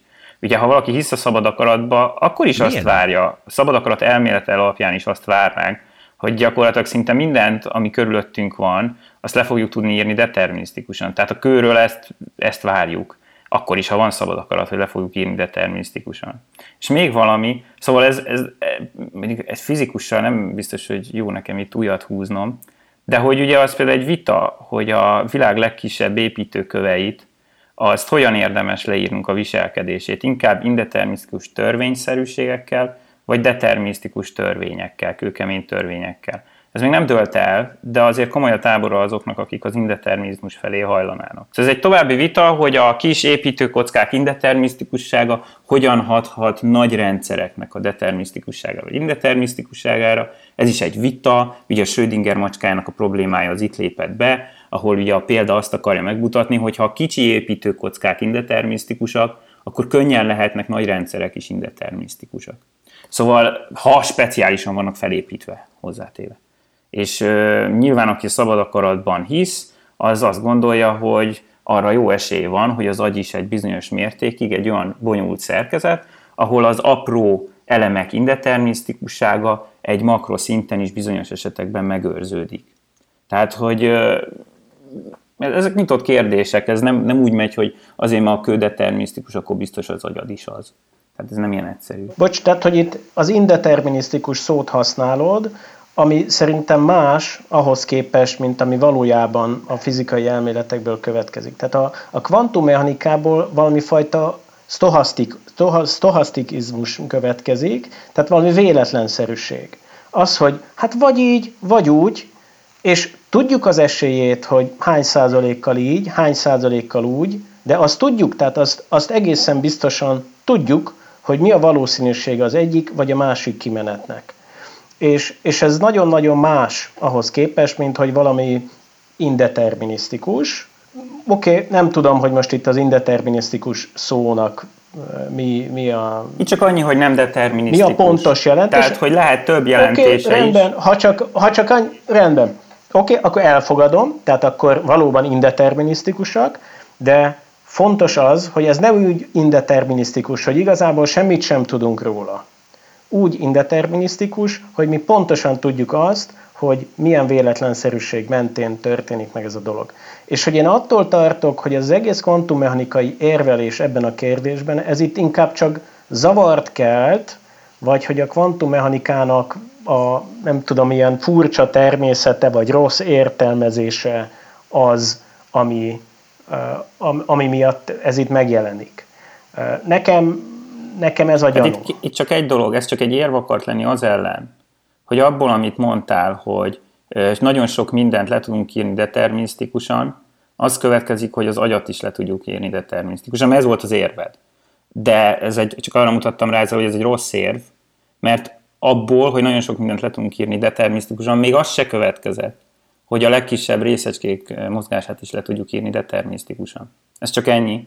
És akkor ez egy további kérdés, hogy ha elfogadjuk az indeterminisztikus értelmezését ennek az egész dolognak, akkor ez mit segít rajtunk, és te már ebbe mentél bele, hogy hát ez önmagában nem sokat segít. És ezzel egyetértek, de ennek más volt a funkciója, mint, mint amit te tulajdonítottál neki. Aha, oké, okay, rendben. Azért a kvantummechanikának van olyan értelmezése, amiben egyébként a, a, a véletlennek sincs Persze. helye, tehát ami egy teljes determinisztikus dolog. Ö, valószínűleg ebbe ez most meghaladná a műsor kereteit, hogyha... Nem, nem, ezt nem is akarom felhasználni. Ugye végig úgy fogalmaztam, igen. hogy ha elfogadjuk, akkor, és ezt most szerintem így is hagyhatjuk, mert, uh-huh. mert olyan sok egyébként nem is múlik rajta. Mert itt ugye azon is sok múlik, hogy hogy értelmezed azt, hogy természeti törvény, hogy mit gondolsz róla, hogy az mi. Ugye te úgy beszéltél a természeti törvényekről, és a legtöbb ember úgy beszél róluk, nem mondom, hogy ezt is gondolja, csak azt mondom, hogy úgy beszél róluk, mint hogyha a természeti törvény egy olyan entitás lenne, ami ott a, nem tudom, hát nem az égben, de valahol nagyon magasan van, és akkor ez valahogy így irányítja a dolgokat, és azoknak úgy kell viselkedniük, hogy a törvény előírja. Persze ez nevetséges, ezt így talán csak nagyon kevesen gondolják, de vannak filozófusok, akik nagyon közel kerültek ehhez, például maga Newton is, aki valami olyasmit gondolt, hogy igen, egyszerűen csak vannak természeti törvények, és igen, ezek valahogy irányítják a dolgokat, azt a részt kihagyta, hogy ez az égben lenne. Na de jó kérdés, hogy ezt kell elfogadnunk. És például van a természeti törvényeknek olyan értelmezése, ami egyszerűen azt mondja, hogy a természeti törvények semmi mások, mint amik leírják, hogy általában hogyan működnek a dolgok. Ezek ilyen nagy általánosítások. Nem az, hogy a természeti törvény irányítja a dolgokat, hanem a dolgoknak hát vagy van természetük, vagy nincs, ezt most ne firtassuk. Tehát a dolgok valahogyan szoktak viselkedni, és ezt egy nagyon absztrakt módon leírnak, hogy hogy szoktak viselkedni. De hogyha viszont így van, akkor az, hogy akár legyen determinisztikus a természeti törvény, teljesen mindegy. De hogyha ez így van, akkor szokatlan helyzetben nem feltétlen kell, hogy azt várjuk, hogy a dolgok a természeti törvények megfelelően működnek. Tehát például, hogyha most a legdurvább feltételezést mondom, nem mondom, hogy ezt vallom, de ez is benne van a játéktérben. Tehát ha például a tudat a fizikaitól egy tényleg különböző entitás teljesen, akár lehet az is, hogy a tudat képes arra, hogy befolyásolja az egyébként determinisztikusan működő dolgokat. Mert ugye ebben a felfogásban nincs itt egy olyan természeti törvény, aki mint egy ilyen kapuőrként így ott vigyázna, hogy semmi se avatkozzon bele a dolgok szép determinisztikus rendjébe, hanem a determinisztikus törvények akkor csak egy leírások arról, hogy hogyan működnek a dolgok, ha éppen semmi nem avatkozik közben. Tehát itt ezért mondom, hogy nem eszik olyan forrónak ásán. Tehát, hogyha még el is fogadod a determinisztikus okay, természetű törvények. Egy, egy pillanat, egy pillanat, várj, most egy kicsit elszálltunk a földtől, szálljunk vissza. Jó, én, én szívesen Dávid, várj, akkor megpróbálom én, aztán te is. Jó, jó.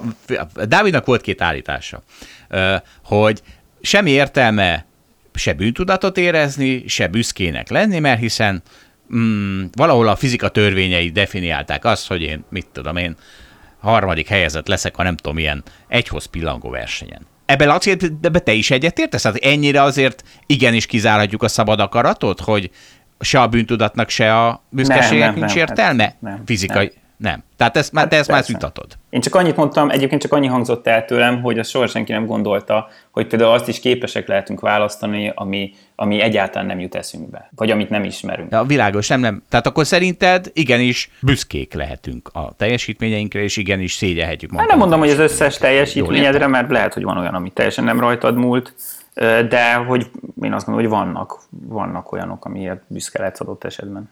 Figyelj. Ez tök érdekes, nem? Dávid, ezt gondoltad volna? Ö, nem, nem gondoltam volna, de, de hogy még itt az érveléseddel kapcsolatban, hogy itt, itt te ugye a tudat, tehát hogy a te az érvelésedet, azt nagyon erősen a, arra alapozod, hogy hát a tudat létezik, ezt mindenki tapasztalhatja, és a fizika meg a külső világnak a törvényeiben nem találjuk a tudatot, nem jön ki az egyenletekből, és nem is értjük, hogy az egész ez micsoda. De ezzel kapcsolatban is vannak ugye olyan hát érdekes és hát szerintem erős kísérletek, amiknek lehet, tehát hogy azt alátámaszhatják, hogy ez a szabad akarat dolog, ez, ez van fajta bullshit. És hogy ugye nagyon sokféle módon megnézték azt, és erre sok kísérlet van, szintén valószínűleg ezeket te jobban fogod tudni konkrétan, mint én. Amikor azt vizsgálták mindenféle agyszkennerrel, hogy nem tudom, fMRI-vel, meg EEG-vel, meg nem tudom micsodával, hogy amikor egy kísérlet során valakinek egy döntést meg kell hozni a kísérlet valamelyik pontján, mondjuk, hogy felemeli a kezét, vagy nem tudom, a bal oldalt vagy a jobb oldalt választja, akkor a, akik az agyszkennert nézték, azok tized másodpercekkel vagy másodpercekkel korábban látták azt, hogy valaki meghozza a döntést, ahhoz képest, mint hogy valaki azt elismerte volna, hogy na, én most ebben a pillanatban döntöttem. Tehát most csak, hogy kicsit értetőbbek mondjam el, az embereknek be kell számolniuk arra, hogy melyik pillanatban döntenek valamiről. Hogy felemelik a kezüket, vagy nem, mondjuk. A jobb oldalt választják, vagy nem. És beszámolnak arról, hogy én most döntöttem erről. És az agyszkennert néző emberek pedig ezt egy másodperccel korábban tudták, hogy ez az ember eldöntötte azt, hogy a bal kezét fogja felemelni. Tehát, hogy az egész olyasmi, mint hogyha a tudat csak utólag értesülne arról, ami egyébként az agyban lejátszódó folyamatok miatt történik, és akkor utána, hát persze, majd a tudat is, is értesül róla, és akkor majd a narráló én valahogy megmagyarázza, de hogy ez megint nem a szabad akaratot támasztja alá. Hogy te mit gondolsz erről? Hú, kevés az időnk, és nem tudom mekkora mélységben menjünk ebbe bele. E, de nem kell annyira mélyen. Képzeljétek el úgy, hogy én lehet. ezt részletesebben is el tudnám mondani, meg nagyobb szakértelemmel, most csak a, most csak a hogy mondjam, a, a reklám lenne, hogy erre mit kell mondani. Tehát az a, azt gondolom, ezt Libet, Libet típusú kísérleteknek hívják ezeket, Benjamin Libetről, aki először csinált ilyesmit. Szinte nincs filozófus, aki ezek alapján gondolná azt, hogy nincs szabad akarat. Ez már figyelmeztető kell, jel, hogy legyen. legyen. Tehát, tehát a filozófusok többsége nem ez alapján gondolja, ha azt is gondolja. Ezek a kísérletek, hát az a konszenzus a filozófusok között, hogy nem sok mindent mutattak meg. Bocs, én ezt csak azért mondtam, mert a tudatot ide Igen, igen, igen, és azt okay, sem okay. mutatták meg igazából, hogy a tudatot, és elmondom miért, nagyon egyszerűen. Hát ez egyébként szerintem egészen mókás, tehát előálltak nagy DRL durral ezekkel a dolgokkal, hogy akkor ott van ugye egy jel, readiness potential hívják, egy RP, ami miután az új adat megmozdítanád, 300 millisekundummal megelőzi a, bocsánat, 550 millisekundummal megelőzi a mozgatást, és 300 millisekundummal vagy a tudatában a, a mozgatás előtt annak, hogy mozgatni fogod. Legalábbis a kísérlet ezt mutatta meg, úgy tűnik. Na most a, a következő a helyzet ezzel, hogy az RP akkor is megjelenik, ha nem akarod megmozdítani az ujjadat. Ha azt mondják neked, hogy figyelj, ne mozdíts meg végül az ujjadat, csak gondolj arra, hogy majd megmozdítod az ujjadat, akkor is megjelenik az az RP, amiről Libet és nagyon sokan azt gondolták, hogy annak a jele, hogy te már eldöntötted, hogy, hogy mit csinálsz. Igazából ma az RP-t senki nem gondolja úgy, hogy egy tudatalatti döntés lenne maga. A két, két hipotézis van arról, hogy mi az az RP, mert nem tudjuk, erről még vita van. Az egyik szerint egy ö, olyan jel, ami azt mutatja, hogy ö, a motoros részben már megtörtént valamiféle előkészítése a cselekvésnek, vagy valami, valami ott, ott van, ami tényleg kell a cselekvéshez. Mások szerint az RP az annak a jele, hogy ugye vannak ezek a, ezek a döntések, amiknek nincsen tétje, tök mindegy, hogy mit csinálsz, hogy megmozdítod az ujjadat vagy nem, és ilyen helyzetekre nem, nem tudsz indokokra támaszkodni, hanem egyszerűen így véletlenszerűen kell döntened, és azt mondják, hogy van az agyban egy ilyen mechanizmus, ami ebben segít, és az RP az, az, az, az, az ennek a mechanizmusnak a jele, hogy akkor az szépen elindul. Bocs, valami, csak hogy jobban értsem, hogy valami olyasmit mondasz, hogy az a kísérlet, hogy figyú, gondolj arra, hogy majd most meg fogod moz, moz, mozdítani az ujjadat, de igazából nem mozdítsd meg. És hogy akkor is ez a jel, ez, ez megjelenik. Ez megjelentkezik, ugye? Igen, és vannak döntések, ahol nem jelenik meg. Tehát például csináltak egy ilyen kísérletet Mauz és munkatársai, ahol nem mozgásokról kellett dönteniük, hanem absztrakt dolgokról, ilyesmikről, hogy mi mellett ö, milyen alapítványnak utalják a pénzt. És nagyon bonyolultan csinálták meg, hogy a végén az is egy ilyesmi legyen, hogy kb. a, a, a, a döntő számára kb. egyforma legyenek az alapítványok, tehát ne azért döntsön az egyik mellett, mert hogy egyből tudja, hogy persze a kutyákat szeretné támogatni, vagy mit tudom én, hanem nagyjából egyformák legyenek az alapítványok így, így, a, így a döntő szempontjából. Tehát azt, azt várták sokan, hogy akkor is meg fog jelenni az RP, de akkor meg például nem jelent meg. Egyébként nem tudjuk, hogy miért. Tehát ezt most nem azt mondom, hogy bármi, csak azt mondom, hogy ezek az egész, ez az egész sztori, ez borzasztóan ingatag alapokon áll. Tehát ezt a Libet adta úgy elő, hogy ez ilyen nagyon, nagyon szabad akaratos keretbe tálalta ezt az egészet, ami mellesleg, hagyd mondjam el, hogy eredetileg nem is így indult, hanem egyszerűen csak a motoros mozgásokat akarta vizsgálni, még Libet előtt egy szerzőpáros, aki most nem jut eszembe a neves, sajnálom, de hogy, de hogy ez nem is így indult. A Libet keretezte így, hogy ez ilyen szabad akarat dolog, de, de az az igazság, hogy nagyon tanulságosak ezek a kísérletek, szerintem bomba jó, hogy megcsinálták őket, de az, hogy, hogy ezeknek mi az üzenet a szabad akaratra nézvést, az egy nagyon, ez egy nagyon ingatag talaj, és hát a legtöbb filozófus az nem is, nem is indult el abba az irányba, hogy, hogy ez alapján cáfolja a szabad akaratot. Ha, ha cáfolja is a szabad akaratot, általában nem ez szokott lenni a, a, a döntő, vagy a, vagy a magja az érvelésnek. Ezek ilyen kiegészítő kis csecsebecse szokott lenni, amit még úgy oda tesz, de nem ez szokott lenni a középpontja az érvelésnek. Érdekes. De akkor, akkor, akkor szerinted van értelme annak, hogy megbüntetjük a Hát ugye, ugye? mindenképp hát van értelme, ugye itt az a kérdés, hogy mi az értelme. Tehát akik szabad, tagadják a szabad akaratot, ők is azt szokták mondani, hogy van értelme, de hogy Dávid is elmondta, azt szokták mondani, hogy azért, hogy elrententsük a többieket attól, hogy ők is rosszat tegyenek, meg hogy esetleg ezzel a büntetéssel jól megneveljük azt, akit megbüntetünk, és akkor jövőben nem fogja elkövetni ugyanazokat a csúnya dolgokat. Tehát, Bocs, ugye ez, ez nem működik, pont. Hát amit most Jó, mondtál. hát valamikor talán működik. Megelőző hatása talán lehet, de hogy ugye az nem igazán működik, hogy majd valaki kijön a börtönből, hát, és jobb ember lesz ugye az így önmagában nem annyira. Úgy működik, várj, ez úgy működik, hogy elég öregen jön ki. Tehát, hogy onnantól kezdve, hogy tehát nem, ha bemész 20 évesen és kijössz 40 évesen, akkor már kevesebb benned a tesztoszteron, és kevésbé vagy hajlamos ölni. Tehát egy ilyen szinten működik végül is ez a börtön funkciója, hogy a, azokat, akiknek erre hajlamuk van, azokat legalább 20 évre vonjuk ki a legveszélyesebb 20 évről a társadalomból. Tehát ilyen szinten van azért értelme. Bonyolult egyébként a kisebb bűnöknél a büntetések elég jól hatnak. A nagyoknál, sajnos pont úgy van, hogy a nagyoknál kevésbé várható. Ha az adócsalót jól megbünteted, és ő ilyen kis, akkor, akkor lehet, hogy többet nem fogja csinálni.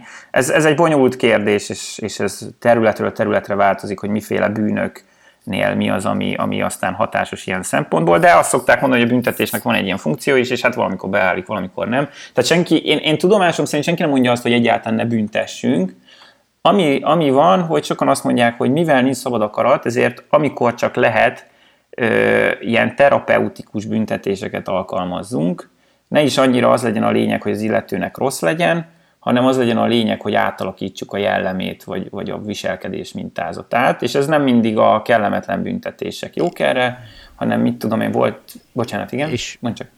Csak hogy ez a politikán ugye nem nagyon megy át, mert az embereknek egy természetes igényük van a bosszúra. Tehát, hogy ami, ami aztán tényleg értelmét veszíti, hogyha ezt a szabad akaratot ezt alaposan lecsökkentjük. Mert ha azt mondjuk, hogy minden egyfajta agytumor következménye, csak egy csomó agytumort még nem tudunk meg, nem találunk meg, meg, meg lenne egy, egy D-vitaminszerű valami, amit ha beadunk neked, akkor onnantól kezdve nem leszel gonosz, nem akarsz embert ölni, akkor ugye onnantól kezdve, akkor ha mégis embert ölsz, akkor az egy D-vitamin hiány, vagy egy vitamin hiányként, és akkor senki nem fogja azt akarni, hogy nehogy azt csináljuk, hogy beadjuk neki azt a vitamint, és akkor soha többé nem akar ö, embert ölni, mert én bosszút szeretnék állni. Tehát, hogy azt hiszem itt, itt lehet, mert ugye mi a problémám az, hogy most egy kicsit megtorpedóztad azt, ahogy mi itt a Dáviddal felforgatjuk a társadalmat, hiszen nincs szabad akarat, és ezért aztán a gazdagok nem érdemlik meg, hogy gazdagok, a szegények nem érdemlik meg idézőjelben, hogy szegények, a bűnözők nem érdemlik meg a büntetést, csak az elzárás miatt kell csinálni, de csak addig, amíg nem találunk egy sokkal egyszerűbb gyógyszert.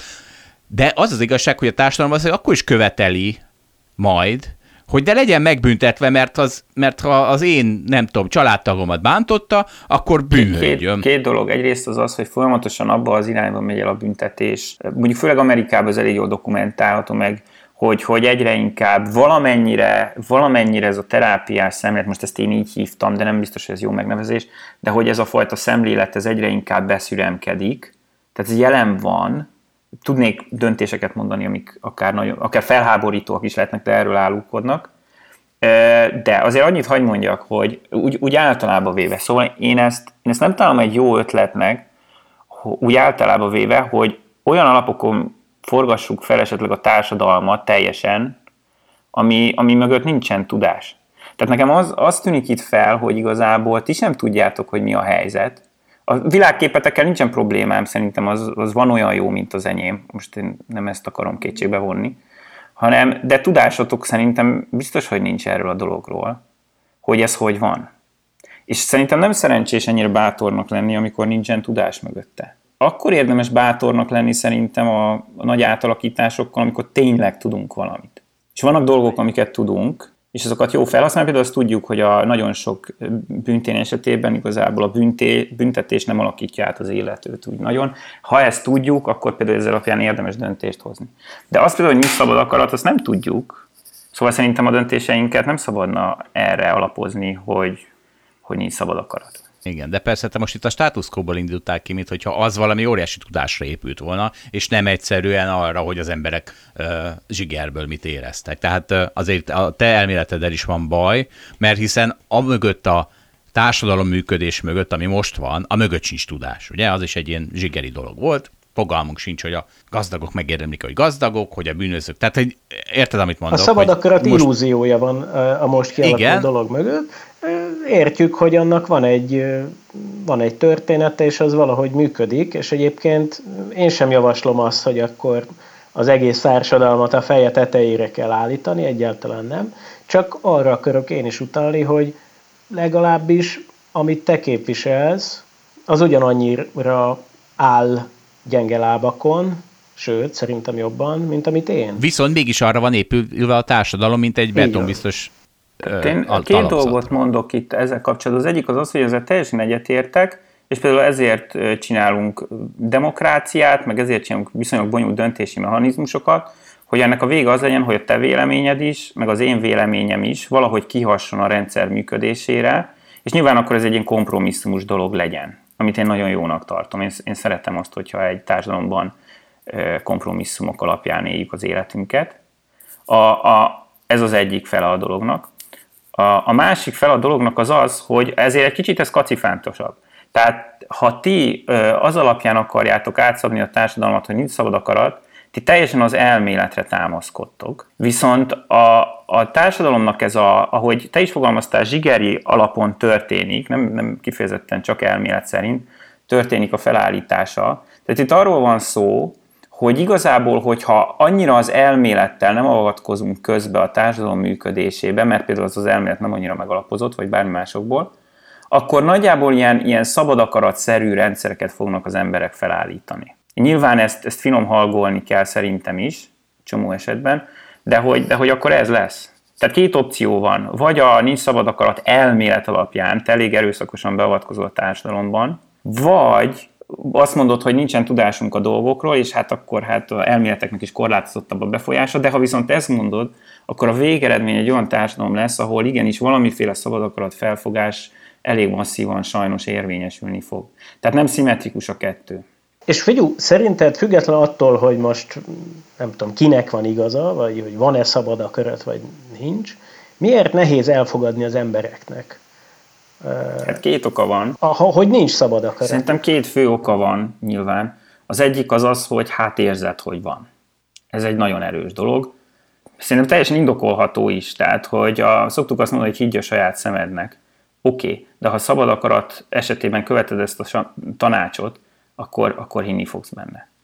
Most ugye az a vicc, hogy ezeket a tudományos izéket, rizsákat, ezeket mind csak valaki mástól vesszük át.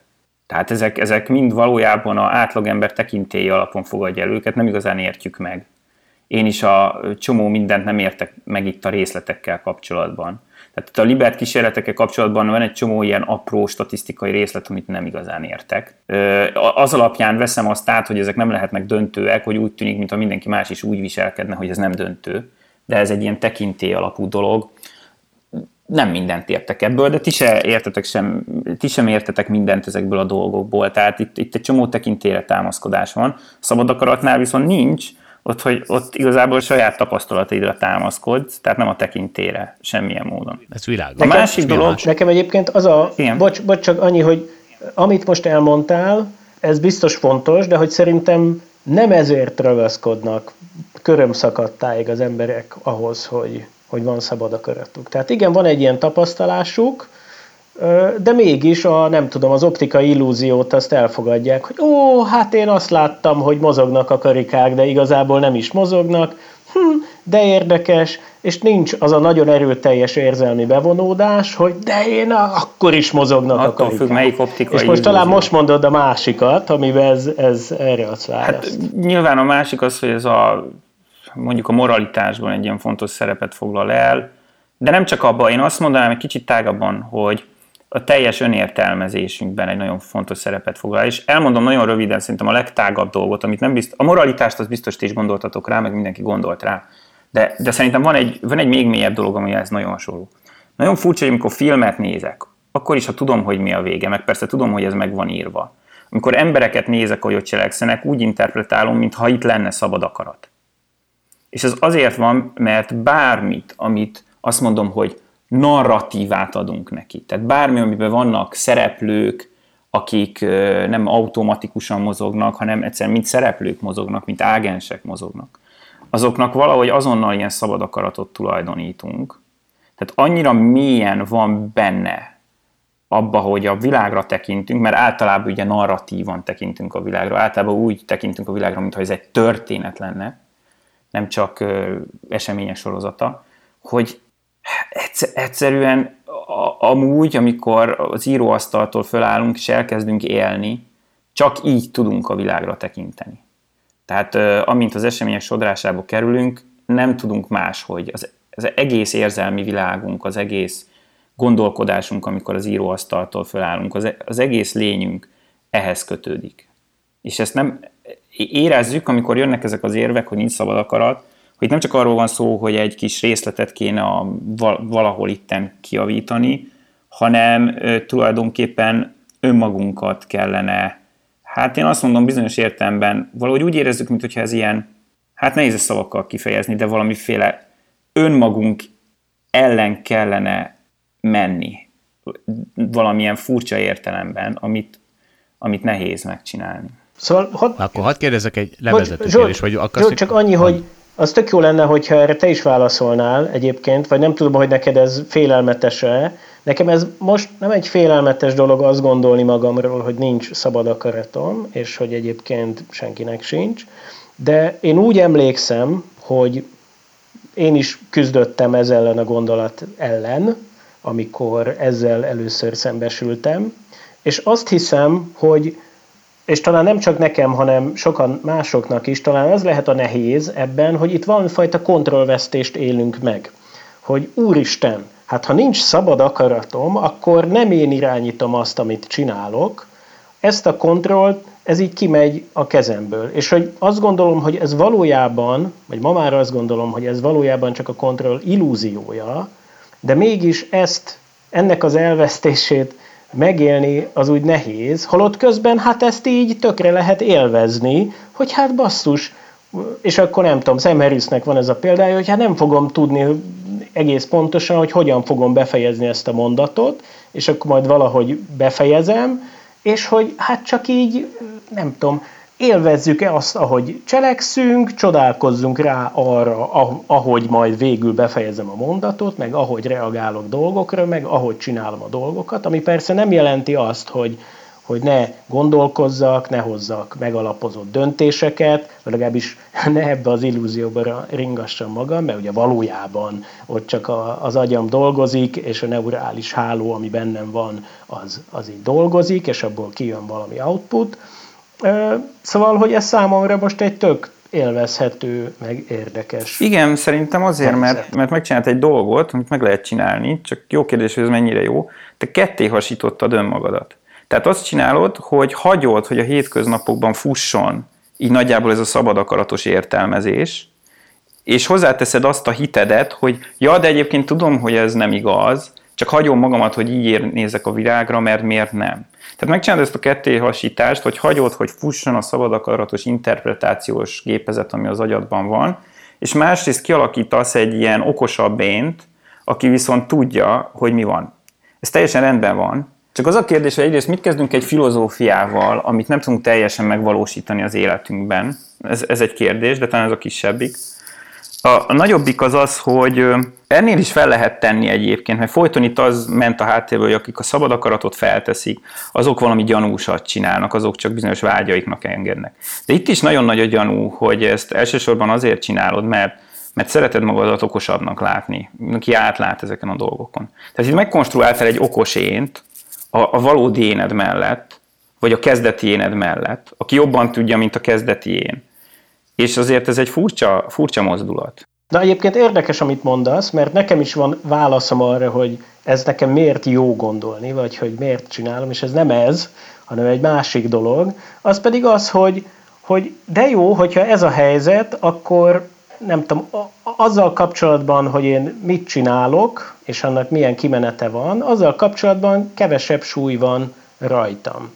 Tehát, hogy ja, ez nem is igazából rajtam múlik, tehát nem valójában nem rajtam múlik, vagy az okos kis ember kén az én agyamba, aki valahogy döntéseket hoz a semmiből, hanem ezek a dolgok úgy valójában megtörténnek, és ez ad valami fajta ilyen kellemes érzetet. Mm, ez is lehet, igen, persze. Sok minden lehet itt mögötte. De hát mit tudom én, persze, ezt a narráló én nem mondja. Igen, ez nehezen férünk hozzá, hogy, hogy miért tartunk ki egy elmélet mellett, és miért nem. Tehát ez, ez, ez például nagyon nehezen férünk hozzá. Végső soron. De egyébként, bocs, tehát hogy azért nekem van egy ilyen izém, és hogy ez persze egy miért, miért lett így, de hogy, hogy hát én valamiért azért fizikusnak mentem, meg valamiért én, én hiszek abba, hogy, hogy a világot azt le lehet vezetni, vagy valamennyire megismerhető azáltal, ha bár nem tökéletesen, azt is gondolom, hogy nem tökéletesen ismerhető meg, de hogy azért elég mélyen megismerhető azáltal, hogy megfigyeljük a szabályosságokat benne, és hogy igazából azok a szabályosságok, amiket megfigyelünk a mi világunkban, abból az jön ki, hogy a szabad, szabad akaratnak nincsen helye. Vagy nem láttunk, tehát nem látjuk azt, hogy, hogy, hogy az miből és hogyan következne. És persze értem, hogy vannak homályos részek, tehát nem tudunk mindent a világról, és akkor aki nagyon akarja a szabad akaratot védeni, az azt mondja, hogy na hát akkor ez biztos ott van, de hogy azt különösebb dologgal nem tudja alátámasztani, mint sem, hogy hát van ez a hit, hogy már pedig kell lenni a szabad akaratomnak, és akkor az biztos ott van, ahova még egyébként nem ért el a mi megfigyelésünknek a ereje, vagy igen, tehát amivel nem értünk még oda el. Tehát igen, lehet így is nézni a dolgot. Én mindig másként néztem erre.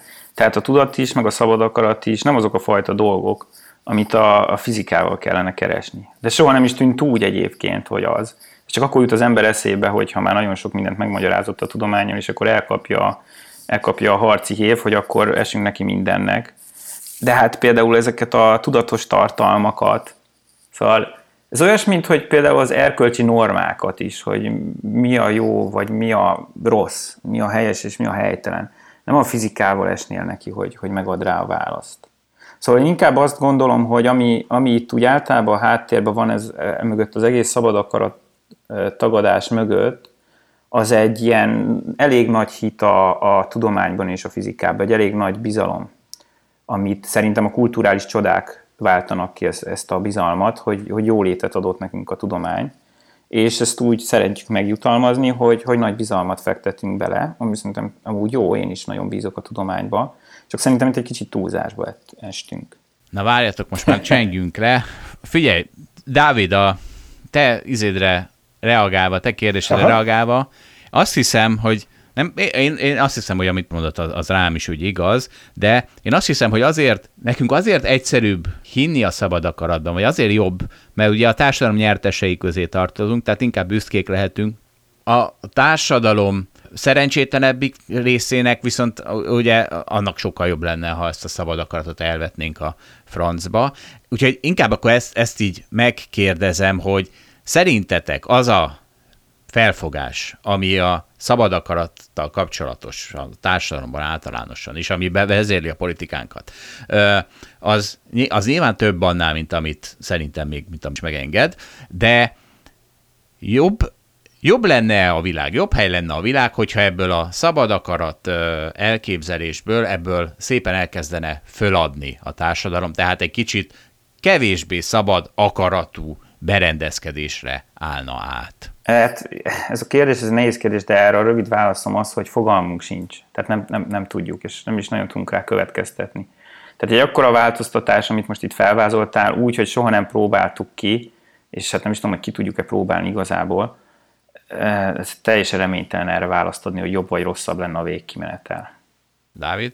Hát szerintem, amikor a tudománynak eredményei voltak, és akkor emiatt változtattunk a dolgokon, vagy ahogy a társadalom működött, akkor jobb lett. Attól jobb lett. Mire gondolsz itt? Most mondj egy példát. Hát arra gondolok, hogy mondjuk régebben megégették azért az embereket, hogyha azt gondolták, hogy a nap van a középpontban, és nem a Nem föld. ezért égették meg egyébként a Giordano Bruno, de ez mindegy is.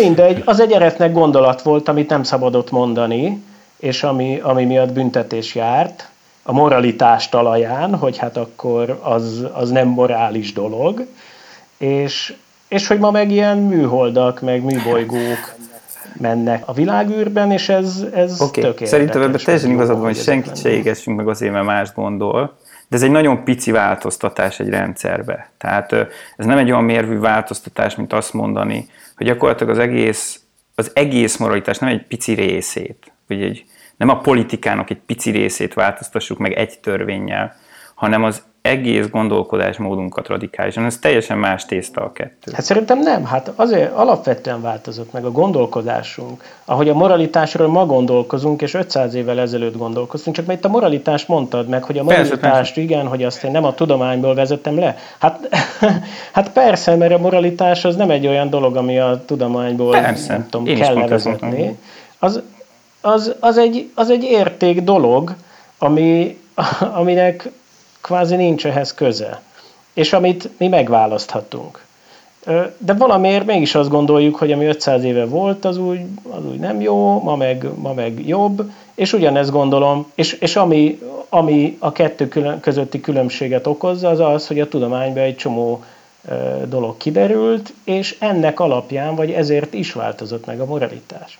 És hogy nagyjából valami ilyesmit gondolok, hogy, a moralitásnak szerintem tovább kell változnia, és nem kell földrengésszerűen, meg egyik pillanatról a másikra, de hogy mindenképpen ebbe az irányba kísérleteket kell Ez tenni. teljesen egyetértek azzal, hogy... Amikor, vagy csak még egy Persze. hogy ja mondjad, mondjad Nem, inkább, hogy kislép, vizsgáljuk meg azt, hogy miről tehetnek az emberek, egyre többet vizsgálódjunk ezzel kapcsolatban, és amit tényleg megtottunk, az abban tényleg próbáljunk elmozdulni, ezzel mind teljesen egyetértek. A véleménykülönbség abban van kettő közünk, hogy mit tudunk. te többet szeretnél tudni, vagy többet vélsz tudni, mint én, én meg, én meg kevesebbet. Na jó, hát reméljük, hogy a hallgatók most akkor többet tudnak, én többet tudok, én nem hittem volna, még van olyan filozófus, aki azt hiszi, hogy van szabad akarat. Hát a filozófusok meg hihetik. a fizikus nincs már olyan. Hát talán kevesebb, de nem tudom egyébként, szóval ezt most csak így a hasamra ütöttem, és úgy mondtam. Én kevéssel találkoztam. Hát akkor köszönjük szépen a beszélgetést, akkor sziasztok, és Laci, tökre köszönjük, Én nagyon érdekes volt. Köszönjük, hogy velünk tartott a Hold After Hours mai részében. Ha tetszett a műsor, kérjük értékeljen minket, és iratkozzon fel csatornánkra, hogy azonnal értesüljön legfrissebb epizódjainkról. Az adással kapcsolatos részleteket és az említett cikkeket, ábrákat keresse a Hold blogon. Ez volt a Hold After Hours. Tartson velünk a következő adásban is!